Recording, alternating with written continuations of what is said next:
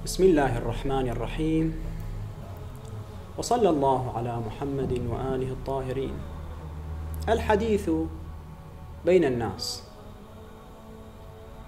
لا بد وأنكم تعلمون بأن فيها آدابا.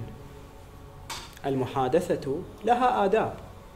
نعم قد تختلف الآداب من مكان إلى آخر من متحدث إلى آخر من طبيعة حديث إلى آخر. لكن هناك آدابا هي عامة لا يمكن أن يتنازل عنها بأي وجه. بعض هذه الآداب قد يعبر عنها بالكمالية يعني أنها لو حصلت كانت أفضل وأولى ولكنها لو لم تحصل لما اختل في غاية الكلام شيء.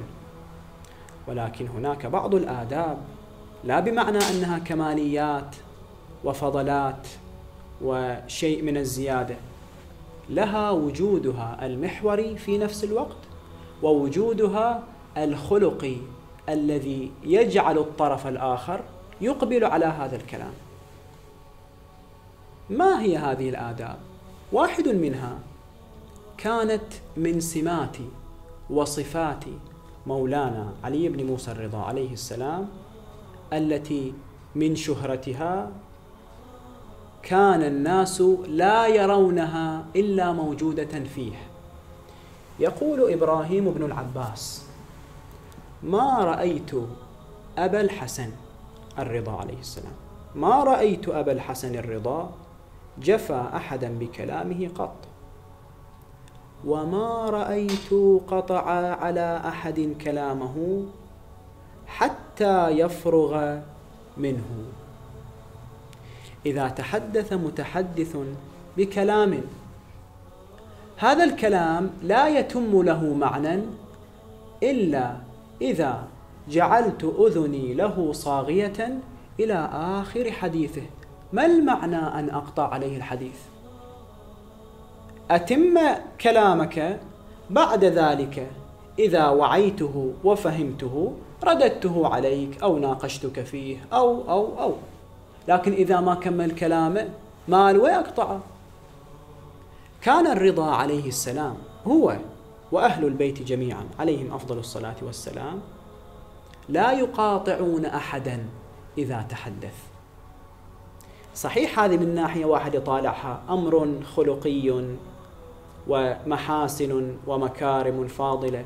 لكن في نفس الوقت هذا أمر أساسي في المحادثة. إذا ما أتم حديثه فعلى أي وجه أفسره؟ كيف بفهم الحديث؟ بقول أنت تبغي كذي شلون هو يبغي كذي؟ ما كمل كلامه. خليه يكمل كلام. بعدين شوف هل هذا الذي ادعيته عليه فعلا هو اللي يريد يقوله أو لا؟ أمير المؤمنين صلوات الله عليه يقول إذا جلست إلى عالم فكن على أن تسمع. أحرص منك على أن تقول. اسمع أول كد شوي. خليه يكمل كلامه شوف ويش يبغي يقول. بعدين إذا تريد تتكلم تكلم. وتعلم هنا الشاهد حسن الاستماع. مو بس تستمع يمكن واحد يسمع لكن بتضجر ولا يقبل على المتحدث ولا يوليه أهمية. يكون مثلا داير وجهه أو مثلا يلتهي بأمر آخر لكن يقول له أنا أسمعك. مو اسمع.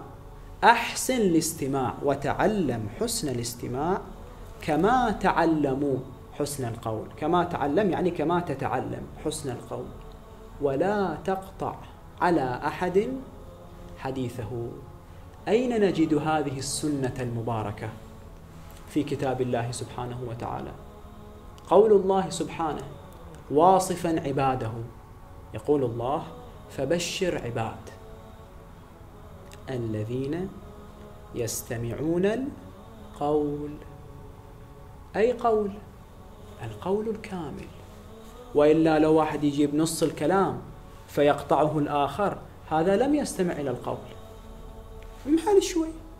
إذا استمعت إلى القول كاملا يسوغ لك حينئذ أن تميز الصحيح من السقيم الحسن من الأحسن فتختار الأحسن مثلا. الذين يستمعون القول فيتبعون أحسنه بعدما أتم المتحدث كلامه وفهمته على وجهه. الحين أنا وش أختار؟